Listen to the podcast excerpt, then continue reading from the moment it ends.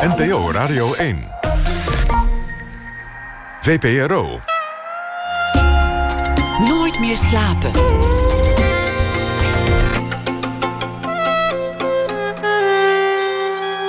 Met Pieter van der Wielen. Goedenacht. Ooit was een tatoeage iets voor zeelieden en kleine criminelen. Een anker, een hart met in het vaandel de tekst moeder. Toen kwamen ineens de dolfijntjes op de enkels van tienermeisjes, de gotische sleeves en het aarsgewei. En voor je het wist was iedereen getekend. Optocht der tatoeages noemt Henry Beuners het in zijn nieuwe boek met dezelfde titel. Henry Beuners, hij is ook wel eens een mediaprofessor genoemd. Dat was in een tijd dat media nog iets voor professionals was. Tegenwoordig zou je hem eerder de historicus van de menigte kunnen noemen. De man die de onzichtbare onderstroom in kaart probeert te brengen. Wat ik daar nou weer mee bedoel, dat uh, zal ik zo meteen wel uitleggen. Enfin, tatoeages. Beunders junior, de zoon van de professor, die komt thuis met een nieuwe geliefde. Die is getatoeëerd. En vervolgens komt zijn neef naar het strand vol trots beklodderd. En wat Beunders toen niet durfde te vragen, is uiteindelijk de vraag geworden van dit boek. Why? Ik begon te lezen met frisse tegenzin aan het werk. Ik dacht al te weten wat die Beunders erover zou schrijven, maar werd al gauw gegrepen. Het is een boek vol humor, historische kennis, met een vlotte pen geschreven. En zo verdiept hij zich met aanstekelijke fascinatie in de opkomst van de tatoeage. Hoe is het gekomen dat naast zeelui ook de gemiddelde accountmanager zijn eigen logo is komen te dragen? Henry Beunders, geboren in 1953 in Emmeloord. En zover ik het kan zien vanaf hier, helemaal vrij van inkt. Henry, hartelijk welkom. Ik ben blij dat ik er ben. Ik eh, ben ook blij dat je er bent. Vrij van inkt, toch? Eh, niet, niet na het schrijven van dit boek meteen iets erop laten kalken. Ik ben zelfs vrij van ringen, omdat ik bang ben dat ik dat met, achter een spijker blijf haken. Ik heb geen horloge, geen oorbellen. Ik heb een kunststand. Die zie je ook niet. Zie je, je hebt geen tatoeage nodig. Het leven heeft je getekend. Dat zeg ik altijd. Het leven tekent mij, tatoeëert mij vanzelf, ja, inderdaad. Dus dat, ja. Ik ben nu uh, grijs, al zeg ik dan liever... ik ben zilverblond, meneer. Dus een beetje ijdelheid is er natuurlijk wel bij... want anders ga je ook geen kunststand in je, in je gebit laten monteren. Een beetje ijdelheid is goed, anders was dit boek er vermoedelijk ook niet gekomen. Vertel eens over Emmeloord. Wat is dat voor plek als je er opgroeit? En wat was het voor plek toen jij er opgroeide in de jaren 50 en 60? Oké, okay, zijn, uh, hoe Emmeloord was uh, in de jaren 50 en 60 toen ik daar opgroeide, was een grote wereld van leegte, van zand. Je kon heel ver beginnende, kijken. Je kon heel ver kijken van beginnende gemeenschap die al op de tekentafel in de jaren 30 was gepland. En waarvoor de bevolking ook was geselecteerd in alle, alle provincies van Nederland. Om, om op te kijken of ze daar wat zouden kunnen aarden. En of ze daar ook een nuttige functie zouden kunnen vervullen in die nieuwe gemeenschap. Uh, en dus er was geheel op de toekomst gericht. Dus de meerderheid van de bevolking was ook onder de 16. Dus alles was gericht op onderwijs, op goed je best doen, dan kom je er wel. En er was ook een zeer positieve verenigingsleven. Ik heb veel gevoetbald. Er was veel ruimte.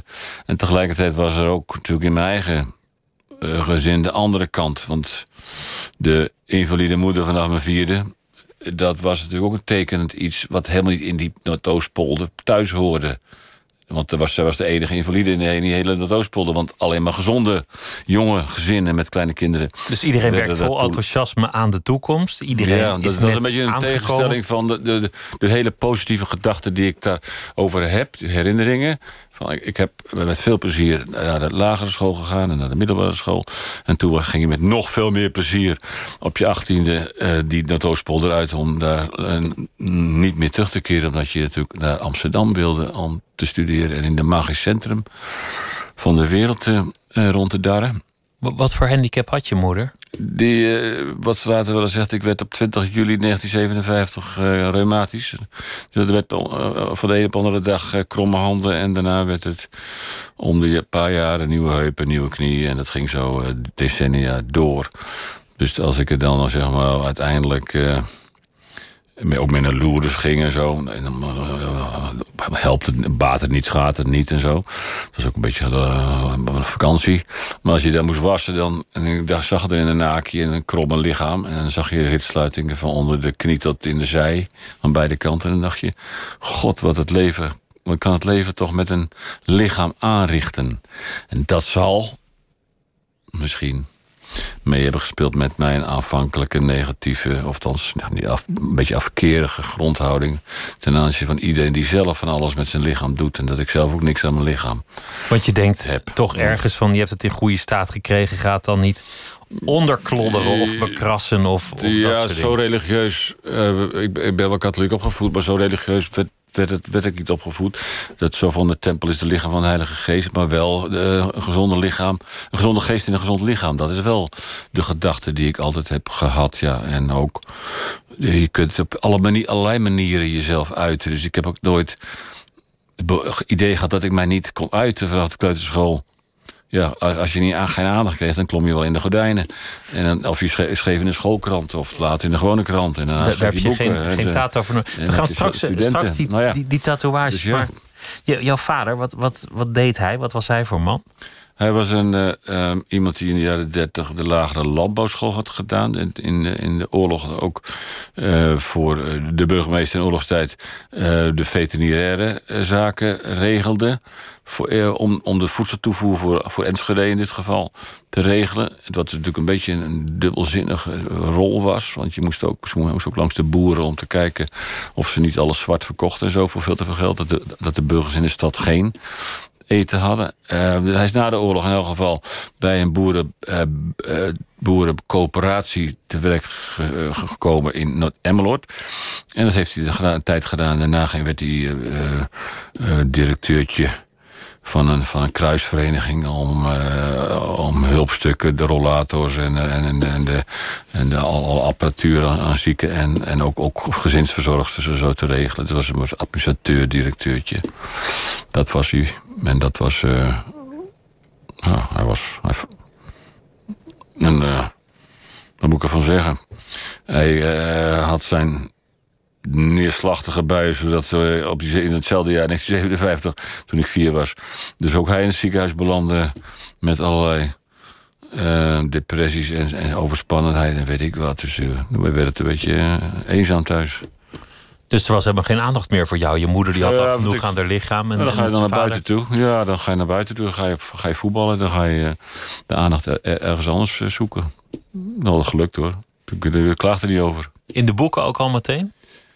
In de boeken toen ik vier was, of acht of tien of twaalf. Ja, ik denk zo acht, tien, twaalf, eerder dan vier. Nou, ik weet niet. Constant Meijers, de muziekkenner... Uh, die vroeger bij Hitweek en daarna bij ja, Oorwerk... Ja, kwam eens een keer aanzetten toen hij een documentaire over popmuziek maakte. En, en, dit jaar is het 50 jaar geleden... dat het Hollandse Popfestival in Kralingen gehouden wordt. Waar ik uh, zelf gemaakte songboek van de, van de Birds verkocht. Voor 2,50. En toen kwam hij aanzetten met een berichtje uit 1966. In Hitweek had ik een ingezonden briefje geschreven. Toen was ik 13. Dat ik het een heel goed blad van vond. En dat ik het bij de tandarts had gelezen Dat ik ze ingenomen was met de toon. En dat ik graag 100 stickers Hiha Hitweek voor mijn verkennersgroep wilde ontvangen. dat vond ik eigenlijk wel geestig dat je op je dertiende ingezonde brief in Hitweek schrijft om stickers voor de verkenners eh, te mogen ontvangen van Hiha Hitweek. Ja, dat was, uh, ach, die tijd kon je. Er liepen veel, veel periodes en veel geestesgesteldheden over elkaar heen, zeg maar die fascinatie, wat, wat uiteindelijk jouw vakgebied is geworden en waar ook dit boek weer over gaat. Ja. Dat gaat verder dan de tatoeage of de populaire cultuur. Het is, het is eigenlijk proberen om datgene wat je niet precies kunt vastgrijpen, de sfeer, als je het zo wil noemen, de stemming in het land. Ja. Maar dat, dat klinkt misschien alweer een beetje te plechtstatig. Om dat te grijpen, om, om een soort extra voelspriet te hebben van hoe, hoe waait de wind eigenlijk. Waar staan we nu? Ja, dat is eh, wel wat ik vind dat, ik, dat mijn taak is als, als mentaliteitshistoricus of gevoelshistoricus, eh, zoals ik ook wel genoemd ben. Uh, vind dat het is, ja, dat, dat, dat mijn taak dat is. En waar het vandaan komt, ik, ik heb me niet daartoe op, op een sofa gelegd om het aan de psychiater te vragen. En daarbij denk ik, de spreuk ken u zelf Boven de tempel van uh, Delphi. Uh, ik denk wel, dat zeg ik wel eens voor de grap. Uh, als ik mezelf zou kennen, zou ik waarschijnlijk heel hard wegrennen. En is het wel een oude grap. Maar hij is wel van jo Johan Wolfgang von Goethe, die grap. Uh, als ik mezelf zou kennen, zou ik heel hard weghollen waarschijnlijk. Dus, en daarnaast bij de tempel van Delphi hing een spreuk, alles met mate. Dus je moet ook niet proberen jezelf helemaal te kennen, te leren kennen. Want dan zit je de hele dag te pieterpeuteren in je, in je eigen zielenroers... en dan komt er niks uit je handen. Je moet ook gewoon kunnen, kunnen actie ondernemen. Je moet handelen, zoals Nietzsche zegt. Je moet maar je, je hebt er vast wel eens naar gegist. Maar, ja, natuurlijk. Dus, dus ik, zeg, dus ik zeg het met een zekere ik, ja. met een slag om de arm. Als ik zeg, hoe komt het dat ik daar zo in geïnteresseerd ben... in stilte, in zwijgen, in wat mensen niet zeggen... Daar ben ik altijd naar op zoek. Um, ja, dat zal toch wel iets met thuis te maken hebben gehad. Dat er weinig gesproken werd tussen mijn ouders... die een moeilijk, moeizaam huwelijk hadden, zoals ik net al aangaf eigenlijk. En dat, jij moest, veel, moest thuis peilen kwam. hoe de sfeer was als ja, je thuis kwam. thuis en dan denk je, hoe hangt de vlag hier erbij? Wat, wat is het dus voor stemming nu? En dan leer je op allerlei uh, andere signalen te letten. Van, uh, god, iemand trommelt met zijn vingers op de tafel... of iemand die draait zijn voeten weg... of iemand die, die kijkt naar het plafond of uh, enzovoorts. Uh, of mensen zeggen, ja, wat, wat de huisarts... en mijn broer is huisarts, ik heb het ook wel eens met hem over gehad... die zei, ja, dat is het de, bekende deurknop-effect. Dan komt iemand en die zegt, ik heb pijn aan mijn rug. En dan zegt hij, oké, ik geef je wat uh, diclofenac of zo... en dan gaat hij weer weg en is hij bij de deur... en dan heeft hij die deurknop in de hand en zegt hij... Mijn vrouw is weggelopen. En dan zegt hij, nou kom weer terug, kom weer zitten. En uh, dat is dan het probleem. Wat ze eigenlijk niet durfde te vertellen. Maar wat er eigenlijk achter het ogenschijnlijk makkelijke... Toe, uh, makkelijke aanvaardbare probleem ligt. En dat, en dat, is... dat is ook de werkelijk interessante geschiedenis natuurlijk. Die verandering. Niet de uitgesproken verandering van de veldslag en het verdrag. Ook leuk, ook interessant. Ja. Maar die laag eronder, die, die is zo fascinerend. Ja, en daar ben ik altijd op zoek naar die laag eronder. En daar uh, ben ik blijkbaar om de een of andere reden uh, gevoelig voor geraakt. Al vanaf jongs af aan dat ik wel veel buiten speelde en de wereld introk. Maar toch altijd ook wel die, die, die misschien wel overgevoeligheid in de buikholte, of waar het ook zit. Uh, voor dat gaat trillen. Dat het gevoeligheid voor wat makes him tick? Wat, wat gebeurt hier? Wat, wat, wat willen mensen echt? Wat ze niet zeggen? Wat, wat zijn de verlangens? Wat, wat, wat, waarom is er in één keer een opstand? Waarom is er een revolutie? Waarom, is waarom, waarom komen ze in één keer... Waarom gaan die mensen eigenlijk in één keer scheiden? Waarom gaan, waarom gaan mensen in één keer staken? Enzovoort. Dat, vaak gaat het over iets anders dan wat ze zeggen. Daar gaan veel van je boeken over. Je hebt geschreven over Pim Fortuyn. En je hebt geschreven over allerhande, allerhande maatschappelijke veranderingen, revoltes. Uh, over, over de emotiemedia, de opkomst daarvan. Dat is ook, ook alweer een, een poos geleden. Je, je bent begonnen als journalist. Mm -hmm. En heel veel dingen gedaan. Bezig geweest met de duwbootbakken-affaire van de broer van Lubbers. Ja. Wat een groot, groot ding destijds. Kuwait, Hollandia Close Kuwait-affaire, ja. En je bent correspondent geweest in Berlijn ten tijde van de val van de muur. Ja. Dat is een mooi voorbeeld van iets dat onder de oppervlakte zich voltrekt en ineens barst het. En, toen die muur, viel, dacht iedereen: hoe had hij niet kunnen vallen? Terwijl een jaar daarvoor mensen nog debatteerden over de vraag: moeten we niet wennen aan die muur? Moeten we niet accepteren nou ja, dat hij er staat? Je hebt ze goed voorbereid, uh, Pieter. Of jij hebt ze goed voorbereid, Pieter. Ja, dat is wel, vind, ik, vind ik zelf wel een mooi voorbeeld omdat ik dan zo goed kan herinneren dat ik in de, in de zomer van 1989 tegen mijn hoofdredacteur van NRC Handelsblad, Wout Wolts, zei: Ja, je stuurt wel al die, al die verslaggevers naar Beieren en naar Oostenrijk, waar al die gevluchte DDR-bewoners via Hongarije met hun trabant achterlaten dan uh, in die tent opgevangen worden. Maar ik wil naar Oost-Berlijn om te kijken. Wat blijft er over van een staat die leegloopt? Blijft die staat wel bestaan? En toen zei hij, nou joh, dat was erg makkelijk en ook, ook intuïtief snapt hij wel, hé, hey, dat is een goeie. Hij zei, ga maar. En dat uh, kostte nog moeite gespaard. Uh, dus ik ging daar uh, eerst op, op, valse voorwenselen als historicus... al vlak maanden voor de val van de muur... naar rondreizen door de DDR. En dan was ik wat op de tiende van 10 november... s ochtends vroeg in Berlijn. Omdat ik dacht, ja... wat blijft er van over? En toen was iedereen blij en zat te huilen voor de televisie in Nederland. En ik liep daar rond en ik huilde natuurlijk helemaal niet, dat doe ik nooit. Daar ben ik veel te emotioneel voor. Maar toen dacht ik al van, wat, wat blijft er van die DDR over? En tien dagen later, tien dagen later... stond ik met nog maar twee journalisten in Leipzig. Timothy Gart en, en, en nog iemand stonden we te kijken naar weer een demonstratie van die, van die, van die boze Oost-Duitsers. Eh wir zien das volk, eh, riepen ze de hele tijd. Maar toen zag ik op twee of drie of vier plakaten staan... wir zien ein volk. Van duizenden plakaten. En toen zei ik, jongens, kijk, zie je dat? Wir zien ein volk. Toen, hij, toen waren ook Timothy Gart en Ash en zo... ze hebben tot 's nachts, diep in de nacht gepraat. Wat betekenen die drie signalen van Wir sind ein volk... in verhouding tot die duizend plakaten... wij zijn boos, wij willen meer inspraak... wij zijn het volk, wir sind das volk. Ze zei, dat is het, dat wordt het. Dat is het. Die muur gaat eraan. Ze willen, ze Die muur, willen- nou, die muur was er al aan. Het wordt één land. Wie- wordt wie- één land, ja. Duitsland, en dat wilde natuurlijk niemand. En Mitterrand zei, ik hou zoveel van Duitsland... dat ik er liever twee van heb dan één. Niemand wilde die hereniging. En Thatcher was natuurlijk razend. Maar op basis van een paar signalen... daar, gaat, daar, vraag je naar. Op basis, op basis van een paar signalen dacht ik... ja, die, het wordt gewoon een eenwording. Wat in Nederland in die tijd ook helemaal niet gewild werd. Lubbers was er tegen. En in progressieve media zeiden ze... dan wordt het Das Vierte Reich. Er werd een boek over geschreven in Nederland. En in de kranten fulmineerde men tegen überhaupt de gedachte... dat er een verenigd Duitsland zou komen. Maar je kunt het voelen aan die mensen. Die, die, die mensen wilden gewoon één Duitsland. Dat is die onderstroom die je Dat wat, daar heb ik dan ook een boekje over geschreven. De drang naar Duitsland. Dat is ook weer zoiets. Ja, de drang naar Duitsland. Ja, dat kun je. Dat moet je interpreteren. Ja, je moet het voelen. Ik weet niet hoe je dat, hoe je dat omschrijft. Laten we het hebben gok, over... gok ook. Want ik kan ook anders uitpakken natuurlijk. Ja, ja, maar... Zullen we het hebben over die tatoeages? Want, Oh ja. want eh, Oh, dat is natuurlijk een fascin- Ja. het, het begon allemaal met, met een, een vraag die je niet durfde te stellen aan mensen in je omgeving die zich hadden laten tatoeëren. Namelijk de vraag waarom? Wat moet jij nou met een tatoeage? Wat heb je nou weer gedaan? Dat is de vraag die je in, in je boek stelt. Eerst aan individuen, maar ook aan de samenleving als geheel. Ja, dus de, de, de verwarring in mijzelf was ten aanzien van eerst vooral eh, ten aanzien van de vriendin van mijn zoon en daarna mijn nichten, mijn neven en ook, ook anderen. Dat ik dacht van, mag ik hier iets over zeggen? Moet ik hier iets over zeggen? Wat moet ik erover zeggen? Mag ik ook zeggen, wat is dat afschuwelijk? Of moet ik, ben ik verplicht om te zeggen... Jeez, wat ben jij dapper en stoer... en wat is het een schitterende tatoeage. Meid, meid, jongen, jongen. Wat ben jij een eh, rebel of wat ben jij een, eh, een authentieke kunstenaar... die dat allemaal doet. Geweldig. Hoe moet ik erop reageren? Want wat nou als, als je het gewoon niet mooi vindt?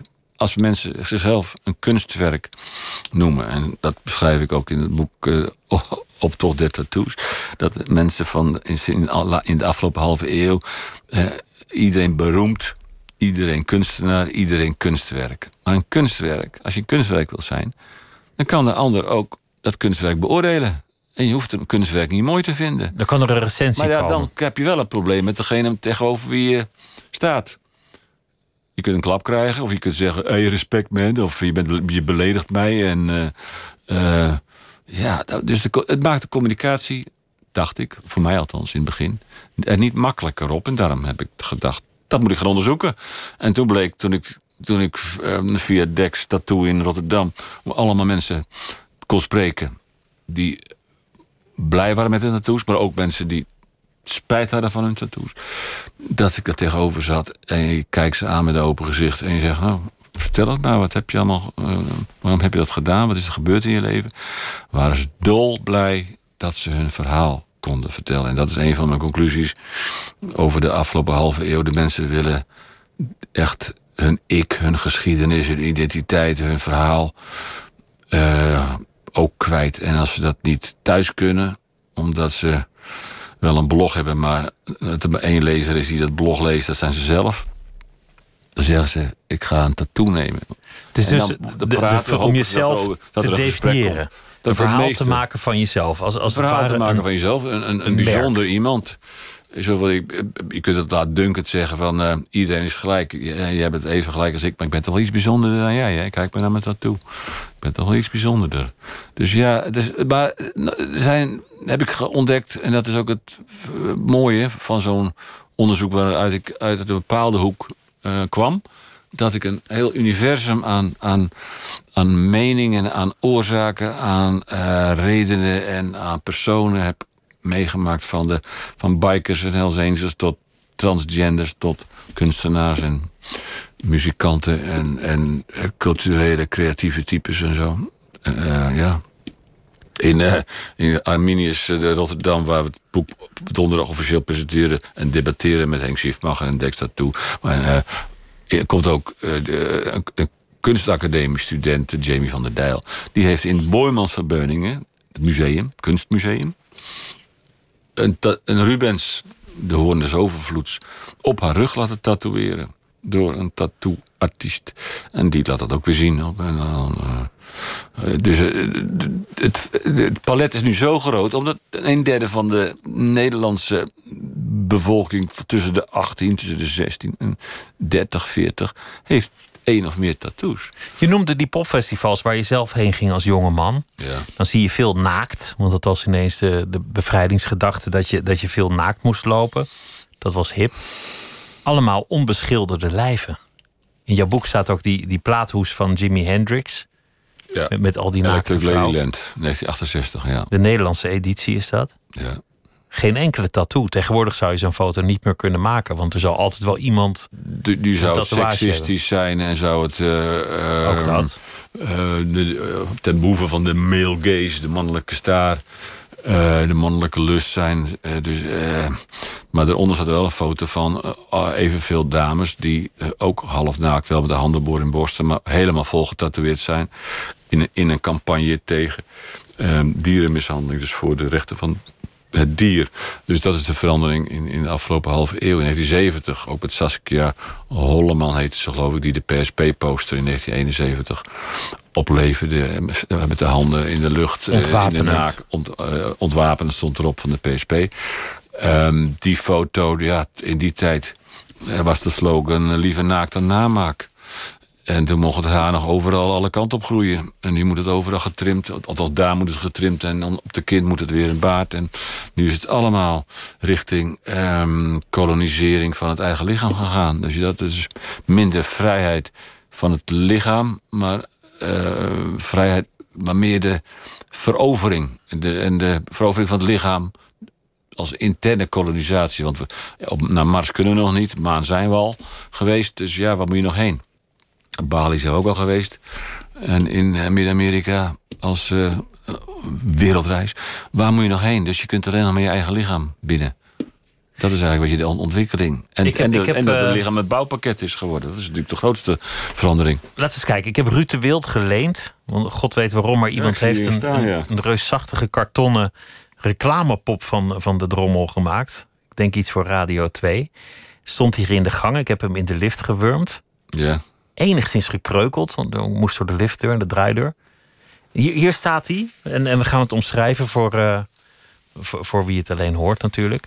Je, je ziet gewoon een, een man van een zekere leeftijd. Die, die eh, heeft een spijkerbroek aan, en, en slofjes en een t-shirtje en een kettingje.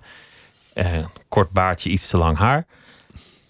En heel duidelijk, eigenlijk de grote eye-catcher... dat zijn, zijn twee armen die helemaal getatoeëerd zijn. De sleeves. De sleeves. Zwart-wit in dit geval.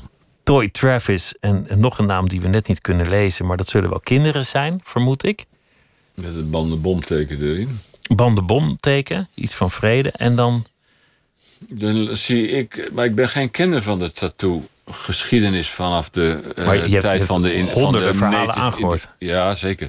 Maar eh, van, ik ben geen, geen tattoo-kenner. Dan moet je bij mensen als Henk Schiefmacher en de, de, de echte tattoo-historici zijn.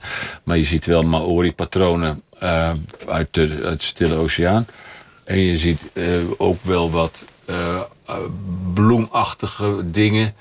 Wat een soort, ja, het zou, zou, rond 1970 zou dat wiet zijn geweest, marihuana. En je ziet ook nog een paar beestjes die je zo op een schilderij van Jeroen Bos eh, ook had kunnen tegenkomen boven eh, dat bandenbom-ding. Dus het is, dit is een beetje terug naar oer. Dus, want ik heb één een van de stellingen is dat wij nu leven in een tijd van reactionair futurisme. Dus dat we enerzijds dat, dat we tegelijkertijd vooruit willen en terug. We willen terug naar de oer. In de, in de band van de ring was in rond 1970 al heel populair. Met, al die, met Frodo en al die hobbits. En nu Game of Thrones, met die draken en uh, uh, Daenerys Targaryen, weet je, drakenvrouwtje. En we willen terug naar, we willen onmiddellijk zo snel mogelijk naar de toekomst. We, we, we willen allemaal in die Tesla rijden en we willen naar Mars. En we, we, we rennen nu als een Nikkel Nelis, een mediale Nikkel Nelis door het park. Met al die sensoren om onze nek. En vanaf de pacemaker in de jaren 60 is het nu van alles op, op en aan het lichaam. Dat we eigenlijk het liefst een robot willen zijn, dan eindig ik ook met Rabbit. Dus vandaar oude symbolen? Dit zijn oude symbolen. Hij gaat meer terug naar oer dan dat hij vooruit wil naar de wereld van Star Wars. En uh, ik wil ook een robot in huis hebben.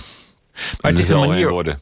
Je, je definieert jezelf om, om meer uniek te worden dan je daarvoor al was. Om van je leven een verhaal te maken. Om, om, om aan de wereld te laten zien: dit is wie ik ben, hier sta ik voor. Dat maakt je individueler. Dat zeg je ook in het boek. Het is de individualisering in optimale vorm. van het ik zelfs. De explosie van het ik. Tegelijk kom je ergens bij te horen. Ja. Namelijk bij die enorme groep van mensen die ook getatoeëerd is. Er zal wel een soort knikje van herkenning zijn in de lift. Van, oh, hey, jij ook. Maar dat is het probleem met uh, de hele eh, kwestie van de individualiteit. Dat is heel schaars, want de meeste mensen die ergens tegen, zich tegen verzetten de rebellen van de jaren 60, de punkers van de jaren 80, de Hells Angels, maar ook de, ook de soldaten en, en, en de hoeren en zo. Die wilden zich tegen de burgermaatschappij verzetten. Maar de punkers die de hele wereld haten, no future, uh, iedereen is een bastard enzovoorts. Die zochten onmiddellijk en zo snel mogelijk andere punkers om samen de hele wereld te haten. Want alleen de hele wereld haten, dat is vrij moeilijk. Je moet dus, dus mensen. Dat is eenzaam. Dat is eenzaam. En dan gaan ze heel snel weer een groepje vormen. Als Hells of als punkers of als, uh, als hipsters of als housers of als weet ik wat. Om dan met, met, met een groepje um, een clan te vormen. En dat is uh, wat ik noem terug naar de stam. Men ziet ook, je ziet ook nu eh, dat het ook in die afgelopen 50 jaar totaal omgedraaid is, 180 graden. Want Janis Joplin, waarmee ik, met wie ik begin, die wilde uitbreken uit die burgermanscultuur uit Texas, waar ze vandaan kwam. Dus is sowieso al een explosie van het ik, uh, Janis Joplin. Uh, ik bedoel, de, de buren. Maar daar begon het. Dat was de eerste ster die een tatoeage was, droeg. Ik wilde, ik wilde helemaal kunnen uh, uiten in alle opzichten. En de buren die klaagden wel eens dat ze tijdens seks net zoveel lawaai maken als tijdens het zingen van Cry Baby. Maar uh, zij wilde zeggen: Ik ben één uh, brok explosie. Alleen als ik met het publiek ben en lekker in mijn vel zin, het gaat goed, dan ben ik één met het publiek. Maar die wilden echt nog rebelleren tegen de bestaande machtsverhoudingen, Vietnam enzovoort. Maar nu, 50 jaar later, heb ik ook veel uh, senioren. Niet alleen Ria Bremen, die 80 is en lieve herenbeestjes op haar arm heeft eh, om te bonden met haar kleinkinderen. Maar er zijn heel veel senioren die nu uh, bonden willen met hun familieleden en tattoos laten zetten. En ik heb ook jongeren, veel jongeren gesproken, die thuis wonen nog. En zeggen, ik zeg, wat zijn al die, die zeven uh, getallen? In het Latijn natuurlijk. Zeg, ik zeg, ja, is, dat is uh, mijn vader en moeder, dat zijn mijn drie kinderen... en dat is uh, mijn neef en mijn nicht. En ik zeg, en, en je partner dan, je geliefde? Ja, dat is geen bloed. Dus de mensen willen ook weer terug naar de eigen familie. En hebben ze ook familia super omnia, familie boven alles en zo er staan. En, of nog in, in Sanskriet of in Swahili. En dat is weer een andere, heeft weer een andere functie. Maar mensen willen weer terug in deze zwevende, geglobaliseerde wereld naar vastigheid. En tattoo is dat is voor mij een verbazing ook geweest. Ik dacht, hoe kun je in godsnaam iets dus de, zo vastigs voor eeuwigs... Dus het individu werd belangrijk losgemaakt van, van kerk, vereniging en, en andere banden. begon te zweven. En mensen wilden zichzelf definiëren, tot een verhaal maken, onderscheiden.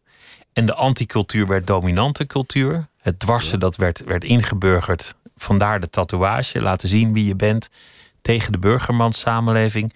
Nu is een tatoeage burgerlijk en gaat het eigenlijk over nostalgie, over waar je vandaan komt, bij uitstek juist over wortels gegrond zijn.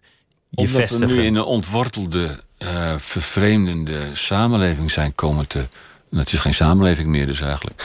In een ontwortelde, vervreemdende wereld. Dus de behoefte is toch een ook symbool. een commerciële wereld. Want het is natuurlijk ook, een, ook bij Ruud de Wild...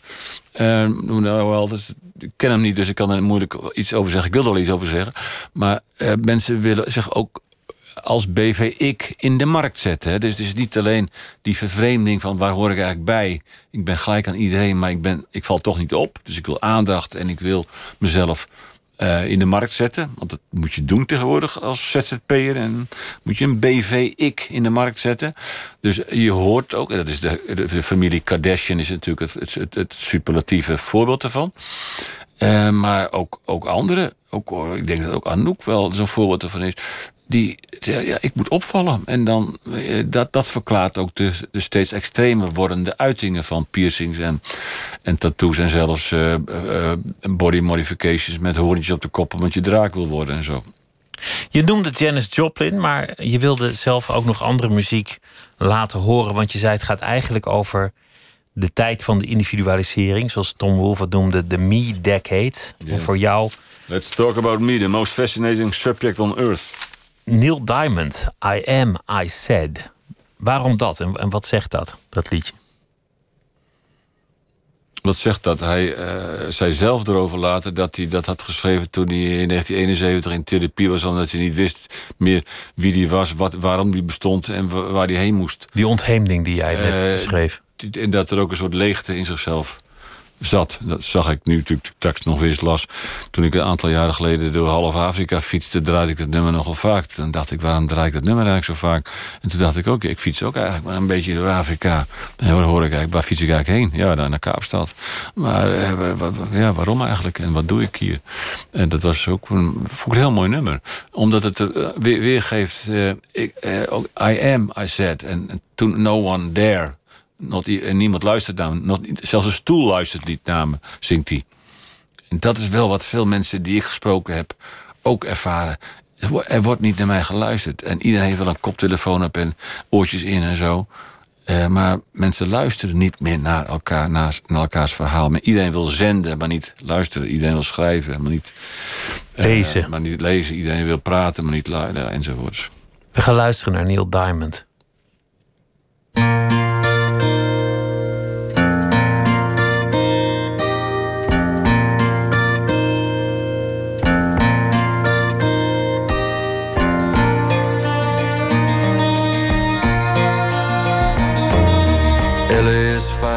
Sun shines most the time.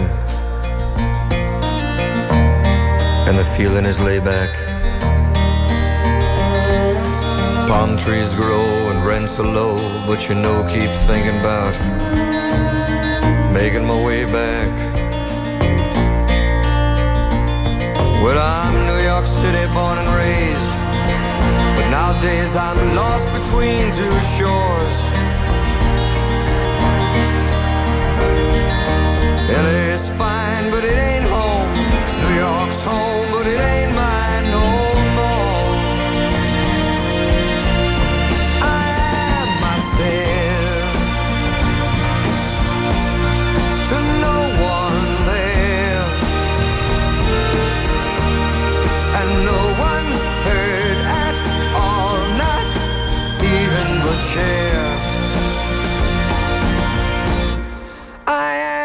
Am my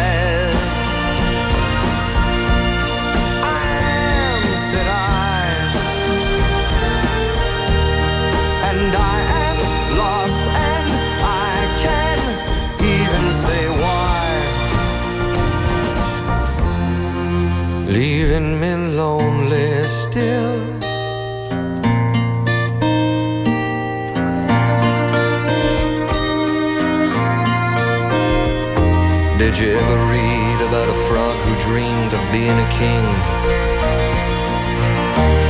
and then became one? Well, except for the names and a few other changes, if you talk about me,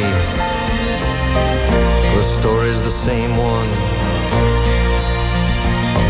But I got an emptiness deep inside that I've tried, but it won't let me go.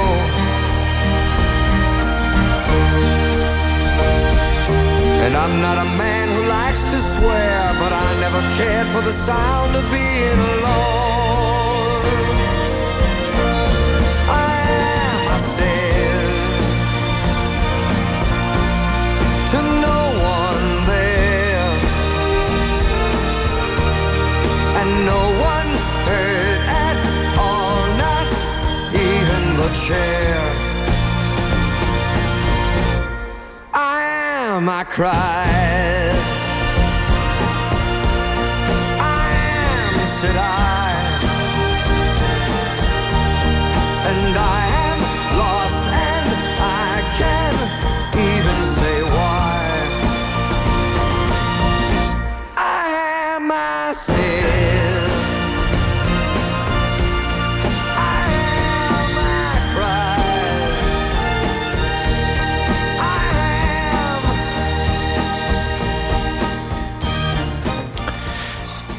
Begin jaren 70, Neil Diamond. I am, I said. En Henry Beunders, die tegenover mij zit, die draaide het liedje vaak fietsend door Afrika. En toen dacht hij ook: wie ben ik eigenlijk? Wat doe ik? Wie ziet mij? Waar ben ik op weg naartoe? Waar kom ik vandaan? Ontheemd. En het gaat over ontheemding, ook het liedje. En het gaat ook over ontheemding. Is uiteindelijk zijn conclusie dat we ons massaal laten tatoeëren tegenwoordig. De anticultuur komt in het boek langs.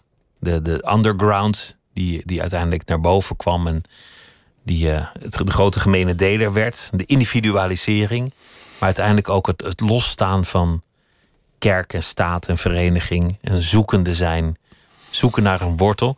Waar, waar het ook al veel over gaat in, in die interviews. Je hebt heel veel mensen geïnterviewd over hun verhalen. Dat zijn vaak ook wel een beetje clichés, maar je vraagt gelukkig lekker door. Je neemt, je neemt niet genoegen met het eerste antwoord. Vaak gaat het ook wel over, over gebeurtenissen, trauma's. Ook trouw willen zijn aan een les die geleerd is. Iets niet uit het oog willen verliezen. Iets dat overkomen is. Een, therapie die is afgerond. Of een eh, verslaving die is afgeworpen. Dat soort dingen. Ja, dat klopt. Ehm, dus ik sluit ook niet uit dat het ritueel na de moord op Fortuin... die hij interviewde op die, op die 6 mei 2002...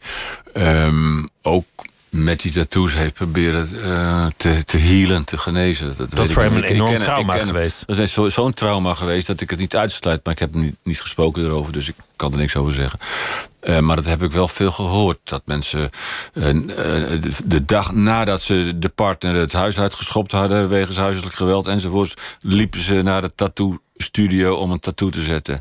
En dan van een, van een, een leeuw of zo... Om, om zich te beschermen tegen een volgende figuur... die hen zou eh, kwaad geweld aan doen. Eh, de, eh, de, de, soldaten die een maat verloren zijn... die de naam en zo op de huid zetten. Dus er is, er, is, er is veel traumaverwerking met, bij, het, bij, bij gekomen. En dat is natuurlijk in de psychiatrie ook wel een, een, een ding. Ik heb dus mensen gesproken zonder dat ik wist dat ze transgender waren. Hele lieve, aardige jongen. En ik zeg, wat is, wat is je tip? Ja, zegt hij, daar begon het mee. Want ik wilde er een punt achter zetten. Ik zei, oh, maar ik zie ook een komma. Dus het is een punt, komma, ja. Ik heb er een komma achter gezet, want ik besloot... omdat ik er toch niet een punt achter zet... dus heb ik er maar een punt, komma van gemaakt. En nu heb ik een hele universum op mijn, eh, op mijn schouder... eh, en het blad tot, tot, om mijn schouder tot uh, ellebogen. En de foto zat ook in het boek gezet. En, en, en daarna pas... Ja, je weet toch dat ik transgender ben? Nu ben ik veel positief. Ik zeg, ik wist helemaal niet dat, dat je transgender was. Maar goed, ik vind het wel een mooi verhaal. En dat is wel onderdeel van zijn transitie. En tegelijkertijd van, ik ben alleen in het universum. Ook dus een eenzaam proces, neem ik aan. Kan ik me voorstellen. Transitie van ehm, eh, vrouw naar man. En dat hij dan ook een heel universum op zijn lichaam zette... als onderdeel van die eh, belangrijke eh, verandering in zijn leven. En trauma's, dus de echte de verkrachtingen en de, en de, en de incest en de, en de, en de eh, verongelukte kinderen en oma's en zo... dat wordt al- allemaal op de huid gezet. En de, Dat is eigenlijk raar? Waarom zou je, waarom zou je daar een Nou, ik tattoo vroeg- voor nodig ik hebben? vroeg voortdurend van, hey, je hebt, je ik, zat, ik, heb, ik heb gewoon een foto van mijn moeder en van mijn vader op de, op- in de kast staan. En hebt ook een fotoalbum en dat is niet genoeg. Maar dat, het, is, het is een heel vreemd iets dat mensen dat dus in de huid willen hebben. Omdat ze anders niet voldoende laten zien dat ze echt rouwen. Dat ze het echt hebben doorleefd. En dat ze ook lijden en zo. Want uh, tatoeëren is gaten prikken in je huid. Dus dat is lijden. Dus het is zelf geweld aan doen. Dus je doet ook jezelf. Je leidt mee met degene die ook, ook geleden heeft. Het is ook een vorm van identificatie. En dat is wat ik uh, ook, ook, zie bij mensen als, als Dree Hazes, de, de zoon van André Hazes. Dree Hazes heeft de as van de overleden vader André Hazes in zijn tattoo zitten. Dus ja, het uh, kan ook eigenlijk intussen niet zo gek mogelijk, uh, niet zo gek mogelijk zijn. Wat je allemaal doet om te laten zien dat je emoties echt zijn en dat je echt mens, een levend mens bent. Dat je over tien jaar er anders over denkt. Soms nou ja, je kan, ze, je kan ze heel goed weghalen hè, tegenwoordig. Het doet een beetje pijn, maar, maar... Dat valt toch vies tegen, hoor. Want eh, je kunt in een uur wel een, uh, een tattoo van 20 vierkante centimeter laten zetten voor 100 euro. Maar je bent wel twee jaar mee, mee zoet om voor 2000 euro dat, dat ding helemaal weg te krijgen. Of je moet harttransplantatie laten eh, verrichten in het ziekenhuis. Dan ben je nog meer, meer geld kwijt. Wat je zei over de, de samenleving op drift. Mm Mensen die zijn verloren, zoeken binding, zoeken weer een plek waar ze gezien worden, willen gehoord worden. Dat, dat lijkt me een vrij grote analyse voor de samenleving. Je had, je had het eerder over de val van de muur, dat je één zo'n klein detail zag en dat je toen dacht: hé, hey, dit wordt één Duitsland. Uit die val van de muur zal de eenwording voorkomen. voorkomen. Mm Dit lijkt me ook wel één zo'n teken. Wat je nu met je Tato-boek hebt uitgezocht. We zijn allemaal op zoek, zoekende. Ik denk dat we in een tijd van, van, van revolutionaire veranderingen leven. Het is weliswaar een halve eeuw die ik beschrijf. Maar ik, ik verwijs ook terug naar Pieter Breugel en Jeroen Bos rond 1500. En Erasmus en Faust. Uh, wat ook een tijd was van grote veranderingen van de middeleeuwen naar de renaissance. Zo geloof ik nu ook dat we in deze tijd uh, de verandering meemaken van de 20e eeuw van nog overzichtelijke vooruitgang en technologische vooruitgang naar een misschien wel onbeheerste, onbeheersbare technologische vooruitgang met robots en ook de gemodificeerde mens. we kunnen nu alles met ons lichaam nu doen wat we willen. We kunnen niet alleen van man-vrouw worden en omgekeerd als je spijt hebt kunnen draak worden. Dus u kunt de tanden bij, laten bijveilen. En je kunt uh, dit worden en dat worden. En in Hongarije hebben ze vorige maand Miss Plastic verkiezingen gehouden. Dus de, de omgebouwde vrouw. Want vroeger kregen mensen voor een huwelijk een uh, kunstgebit. En nu krijgen de mensen als ze 16 zijn of 18 een nieuwe borst, een nieuwe kont, een nieuwe kin. Uh, en, of het hele pakket uh, wat uh, Kardashian op Instagram laat zien. Dus dat is, zijn wel hele revolutionaire veranderingen... die allemaal uitkomen op dezelfde vraag die Erasmus en zo stelde. Wat is een mens eigenlijk? En waarom is de mens niet tevreden met hoe die is? en waarom kan hij niet tevreden zijn met voorzichtige waar ik voor pleit. Voorzichtige, maar wel overwogen vooruitgang. Dat je oefent iets harder lopen, iets meer leren, iets meer doen, iets hoger springen en zo. Want je moet natuurlijk wel wat doen. En dit vind, ik vind het soms, bij sommigen niet, al, niet allemaal, hè. Bij sommigen vind ik het een beetje de makkelijke manier om het allemaal op je huid te laten tatoeëren door een ander. Maar het is ook een, een symptoom van lichamelijkheid. Onze cultuur is heel lichamelijk geworden. Het lichaam wordt op een andere manier beleefd. Het eigen lichaam moet, moet soort van perfect zijn, is ook een creatie van jezelf is maakbaar. Het ultiem maakbare lichaam. Klopt. Tegelijk zijn we ongemakkelijker geworden met het lichaam van de ander. Ja, dat klopt. Mensen hebben, we leven in een tijd van onaanraakbaarheid. Eh, mensen hebben ook minder seks, las ik van de week. En er is er sprake van een seksrecessie... wat ook misschien een link heeft met de verbreiding van de tattoos op het lichaam. Uh, dat mensen toch het gevoel willen hebben, ik leef. En ik voel mijn seksualiteit, ik voel mijn sensualiteit, ik voel mijn zintuigelijkheid. Eigenlijk niet meer in deze gemediatiseerde wereld vol koptelefoons en vol, vol flatscreens en, en, en oortjes en weet ik wat. Ik wil gewoon weer leven. Dat is ook wat ik hier zie bij uh, Ruud de Wild. Men wil dus ook weer terug naar de tijd van In de Band van de Ring... naar de tijd van Game of Thrones. Van, dat was wel een rauwe tijd waarin mensen echt wel leefden. Dat was, was, dat was duidelijkheid. En dat is wat, wat er veel aan is aan gaan ontbreken. Dus die, die behoefte aan lichamelijkheid. Tegelijk is lichamelijkheid veel meer taboe geworden. Joe Biden, die altijd populair was in de jaren zeventig... omdat hij altijd een hand op iemands schouder legde... die komt nu in de problemen als een soort creep. Nou ja, dat is dus de, eh, misschien wel doorgeslagen individualisering en raak me niet aan cultuur. Die dan wel weer ook eenzaam maakt. En de mensen eh, eh, hebben eenmaal behoefte aan lichaamscontact. De baby en de moeder, dat is eigenlijk één persoon. Lichaam, het is eenmaal een en al lichaamscontact. Pas na een paar weken, een paar maanden gaan de andere zintuigen een beetje werken. In het begin is er alleen maar aanraking. En dat is wat we helemaal uitgebannen hebben. Ook met die boedelbakken waarin die kindertjes voorin zitten. En, en, en de, of, de, of, de, of de kinderwagen waarin de, de moeder zit zit te appen en er oortjes in heeft. En ondertussen die baby's ervoor duwen. Er, wordt steeds minder, ook uit angst, steeds minder toegestaan dat mensen elkaar aanraken. En dat kan ook een reden zijn, maar het is speculatie. Er is wel heel weinig onderzoek naar gedaan naar dit soort diepte psychologische redenen. Eh, dat kan een reden zijn dat mensen zeggen: Ik wil gevoel hebben dat ik leef. En dan ga ik het zelf in mijn lichaam zetten. Want wat in de psychiatrie, bij, ook bij trauma's, ehm, geldt: the body keeps the score. En dat betekent, wat je meemaakt, dat zet je in je lichaam. Dus mijn, de, mijn, mijn aanstaande schoondochter, hoop ik althans, de, de, de, lach zelf, ehm, die zei tegen mij in het interview, nadat ik in het restaurant niet durfde te vragen waarom ze die tattoo had, zei, ja maar ik was in Thailand en, eh, en, en, en toen was ik 18 en toen was ik eindelijk zelfstandig. En ja, die is mijn eerste eigen keuze voor zelfstandigheid. En, wa- en waarom maak je dingen mee als je ze niet kunt onthouden? Dus ik zet mijn belevenissen op de huid. Dus het is een hele dringende behoefte om, om het gevoel te krijgen, letterlijk. Het is namelijk een, een fysiek gevoel. Dat getatoeëerd worden, althans. Dat je leeft. Je hebt, je hebt Of ook dat je iets, eh, overleeft.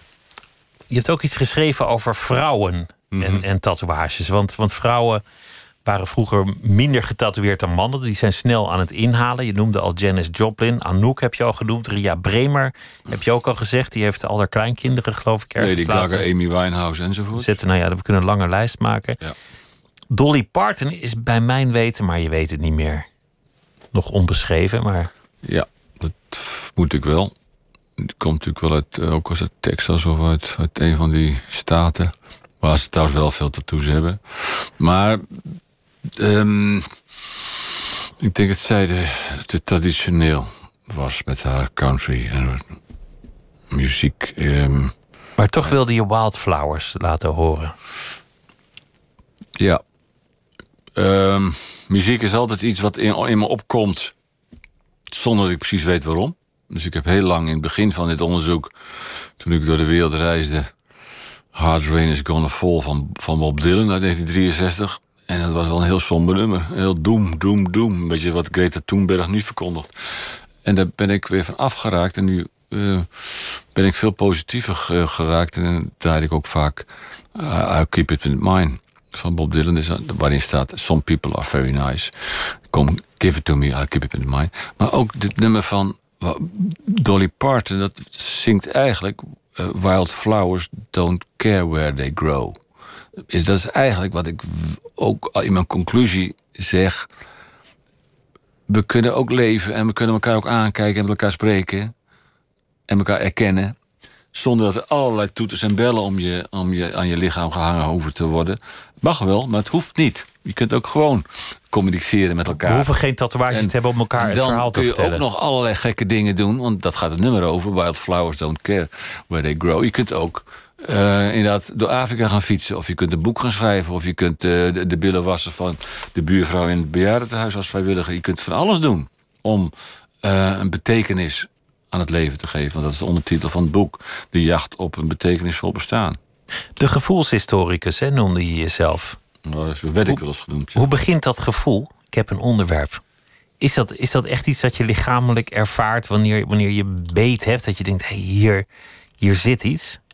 Ja, Gaat het aan de hand van muziek draaien, bepaalde liedjes bij bepaalde conclusies of onderwerpen? Ja, dat is wel ongeveer zo. Eerst, eerst voel je wel iets trillen in je buik, letterlijk. Wat, wat andere mensen dan heel negatief het onderbuikgevoel noemen. Maar dat is bij mij meer, meer middenrif. Dat je iets voelt van hé. En dat je daardoor, omdat je iets voelt trillen, ga je eh, onbewust, ook lang, ik loop ook onbewust langs boekenkasten en zo kijken, pak ik gewoon een willekeurig boek uit de kast. Denk ik, waarom pak ik dit boek uit de kast? Maar meestal draai ik muziek. Dat ik denk, hé, ik wil dat nummer draaien. Dus ik draai de vanmiddag. Ik dacht, hé, hey, Wild Flowers, dat vind ik wel. En dan denk ik, ja, waarom draai ik eigenlijk Wild Flowers? En dan, ga ik, dan pas ga ik de tekst opzoeken met uh, Wild Flowers lyrics. En denk ik, god ja, inderdaad, ze zingt daarover. En het is eigenlijk heel erg onbewust, is dat ergens opgeslagen in mijn hersenpan... dat het daarover gaat. I am I said had ik de tekst ook niet echt uh, paraat. Dan moest ik ook even weer opzoeken en denk, god ja, inderdaad. Daar gaat het dus over. Dat gaat een beetje via de intuïtieve manier, ja. Maar dat is, dat is de geschiedenis natuurlijk ook. Hè. Dat hangt tussen de kunst en de wetenschap in. Vind ik wel, maar de tijd dat ik het studeerde was het, was het allemaal zo wetenschappelijk mogelijk met, met grafieken, statistieken. Ja, maar dat is ook niet mijn formules. geschiedenis. Ik, eh, dat, dat is ook waarom ik het graag um, mentaliteits- of gevoelshistoricus noem... Om, om, om tegen dat meten is weten uh, gedoe van tegenwoordig... al het kwantitatief en uh, om daar tegen in te gaan. mis je een hele hoop uh, waar het echt om gaat in het leven. Zullen we eens luisteren naar Dolly Parton? Het is zo'n mooi liedje.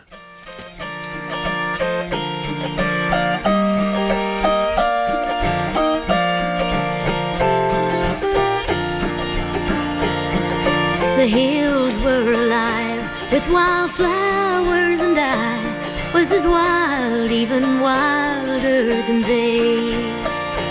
Or at least I could run. They just died in the sun, and I refused to just wither in place.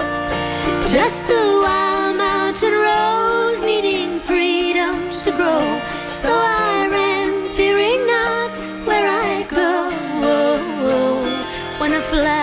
grows wild, it can always survive. Wildflowers don't care where they grow. And the flowers I knew in the fields where I grew were content to be lost in the crowd. They were common and close.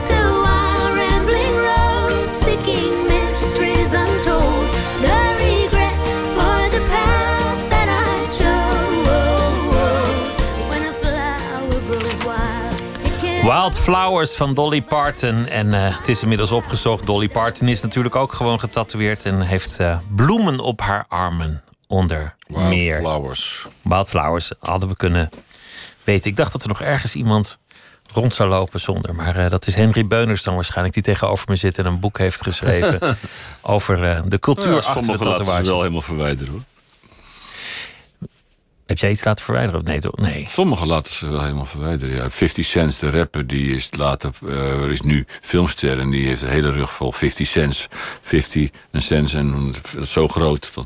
Southside of, of Chicago, waar hij geboren werd. Maar toen, hij zat wel elke dag zes uur in de studio, in, in, in de make-up, om het allemaal over te schminken. Om, om het weer af te... Allemaal, ik denk via hey, huidtransplantatie, maar ja, geld genoeg. Het mooie aan een tatoeage, ik hou van tatoeages, is dat het iets stoms is waar je nooit spijt van krijgt, als het goed is. Het is namelijk de beslissing om ergens een keer geen spijt van te krijgen.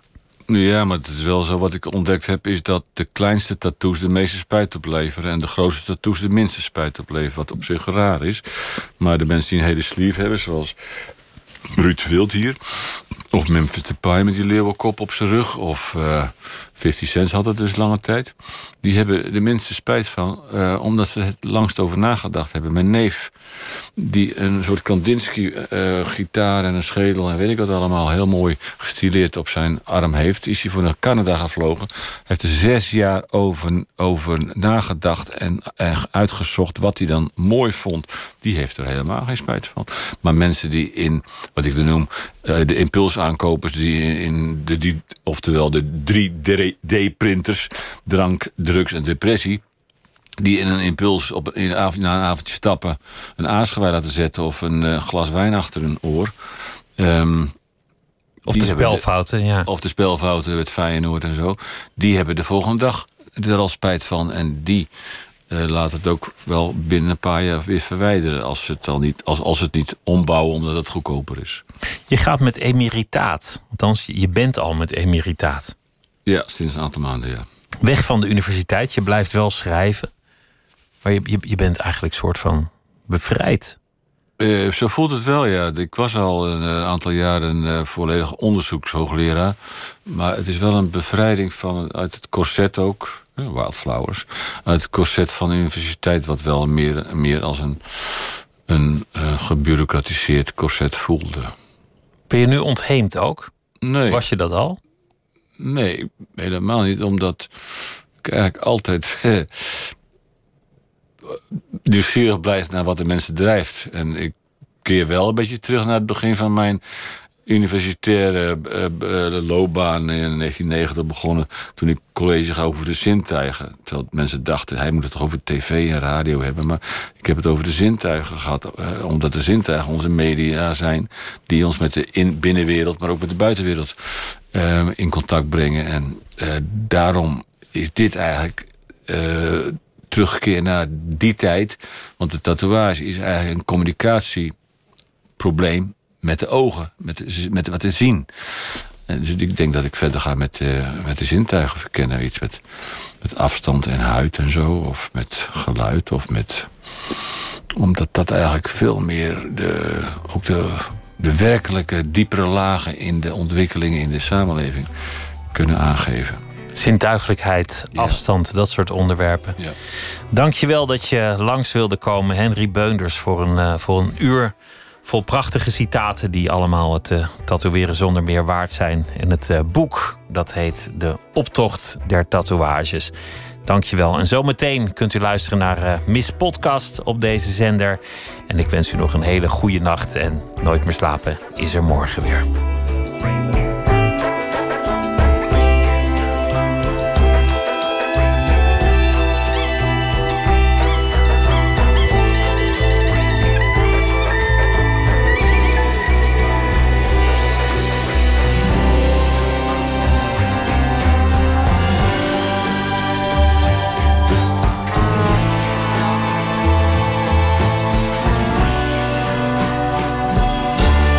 Radio 1. Het nieuws van alle kanten.